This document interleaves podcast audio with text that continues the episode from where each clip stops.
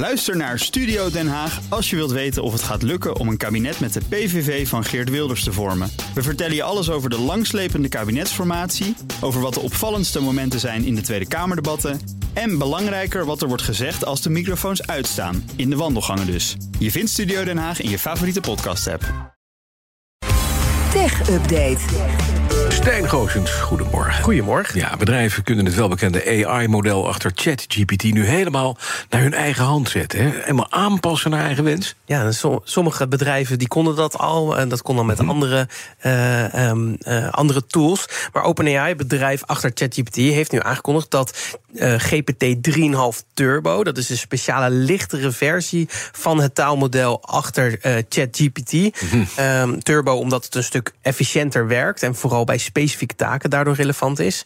Ehm, eh, en eh, doordat het eh, ja, taalmodel nu te fine-tunen is, zoals het door E- OpenAI genoemd wordt, kunnen de bedrijven de chatbot specialiseren op, een, op één bepaald onderdeel. Denk aan code schrijven of juist een bepaalde toon, specifiek jargon gebruiken in antwoorden. En het taalmodel kan als het ware getraind worden op de data van een bedrijf zelf. Eh, op zich zijn er dus al taalmodellen van bedrijven die zoiets aanbieden, maar eh, dat is dan vaak gebaseerd op oudere taalmodellen van OpenAI. Deze nieuwere versie, eh, als het gefine-tuned is, eh, kan krachtiger zijn dan de nieuwste GPT-4 taalmodel op sommige taken. En GPT-4 heeft dan op zijn beurt wel weer andere eigenschappen, eh, zoals dat het ook audio en afbeelding kan verwerken. Maar het mooie is dat hier dus wel weer echt nieuwe toepassingen opgebouwd kunnen gaan worden, die ja, voor veel bedrijven intern ook heel relevant kunnen Maar dit gaat dus naast elkaar. GPT-4 en GPTP 3.5 Turbo. Ja, en dan heb je, je hebt echt heel veel verschillende taalmodellen Ja, ja, tuurlijk. van, eh, Ja. van OpenAI. En allemaal hebben ze ook weer hun eigen uh, Hun voor's en tegens. Juist. Dan heeft Meta een nieuwe stap gezet op het gebied van AI. Welke? Ja, Meta die zit natuurlijk ook behoorlijk diep in kunstmatige intelligentie. Daar, daar horen we alleen wat minder vaak wat over dan bij Google en Microsoft. Maar nu heeft het een demo gelanceerd van een universele vertaler met AI. En die AI-vertaler ondersteunt op dit moment al bijna 100 talen.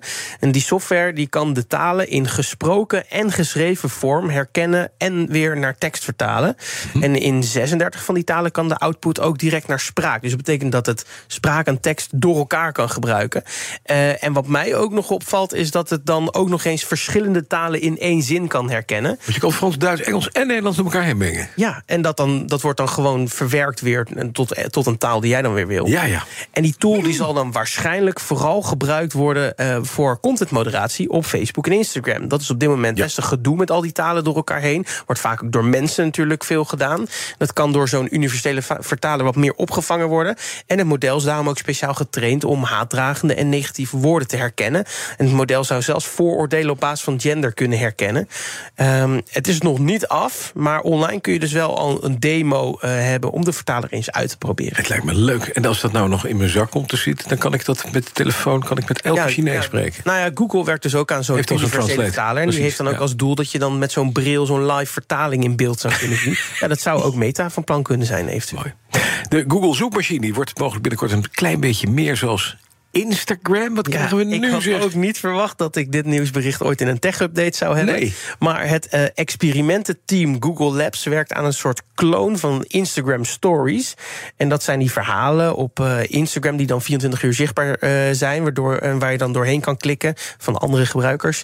En praktisch elk sociaal medium heeft die functie vaak tevergeefs geprobeerd te klonen nadat die door Snapchat heel populair werd. En wat moet dat dan in je Google zoekresultaten? Ja, nou, het zou dan een soort openbare notitie bij een webpagina moeten zijn. Een plek waar publiek eh, commentaar kan geven eh, eh, op ja, zo'n individuele webpagina in de zoekresultaten. Denk dan bijvoorbeeld aan een notitie bij een link naar een specifiek recept dat dan wel of niet lekker was, of hoe dat dan beter kon. En die stories kunnen dan natuurlijk weer geliked worden door anderen. Ja, de functie eh, ehm, zou niet voor elke pagina gaan werken. Porno-sites en medische sites zijn dan bijvoorbeeld uitgesloten. En aanbevelingen bij porno-sites van... Nee, ja, had, Dit is goede had vast heel leuk geweest. Dit kijken je vrienden. Geliked door de buurman. Uw vrouw weet het u niet. Kijkt, je hebt gelijk. We moeten eh, nog gaan zien of het er überhaupt gaat komen. Het is nu een intern experiment. Maar het zou uh, in de komende maanden ook als publiekelijk labs-experiment proberen gaan zijn. En dan is nog maar de vraag of het echt aanslaat en of het echt werkt. En, want Google en sociale media is nooit echt een goede match geweest. Mooi zo. Dan nog even deze Amerikaanse klanten die nog een DVD hebben liggen van Netflix. Een beetje het boek wat je nooit terugbracht naar de bibliotheek. Die mogen hem houden. Ja, Netflix begon natuurlijk als DVD-verhuurder via de post. Inmiddels is het de grootste streamer ter wereld. Uh, maar er zijn nog steeds mensen die thuis uh, graag zo'n DVD wilden huren. Dus Netflix ging ook wel door met die, uh, met die dienst, dvd.com. En toch, dit jaar is aangekondigd dat Netflix daarmee gaat stoppen. en als je dan nog zo'n DVD thuis hebt liggen, dan hoef je die niet meer terug te geven en ook niks meer te betalen. Mm. Sterker nog, Netflix wil je wel 10 DVD's opsturen. als, je, als je dat wil. Van je lijst, van je favoriete lijst. Um, ja, want ik denk dat ze ook gewoon van hun voorraad af moeten. Ja. Dus daarvoor kun je je aanmelden als Amerikaanse klant voor 29 augustus. En dan krijg je een paar weken later ineens 10 DVD's uh, op de stoep. Hilarisch. En die hoef je dan nooit meer terug te brengen. Is maar end of an era. Ja. En goed bewaren, want over 100 jaar is zijn geld waard. Dat ja. denk ik ook, ja. Out with the bang. Ja, mooi. Dankjewel. Stijn Roosens. De BNR Tech Update wordt mede mogelijk gemaakt door Lenklen. Lenklen. Betrokken expertise, gedreven resultaat. De ook Diana Matroos vind je in de BNR-app. Ja, inderdaad. Je kunt live naar mij luisteren tijdens de Big Five. Ook handig in de BNR-app. Breaking nieuwsmeldingen, maar ook het allerlaatste zakelijke nieuws. En je vindt in de app alle BNR-podcasts, waaronder Wetenschap Vandaag. Download nu de gratis BNR-app en blijf scherp.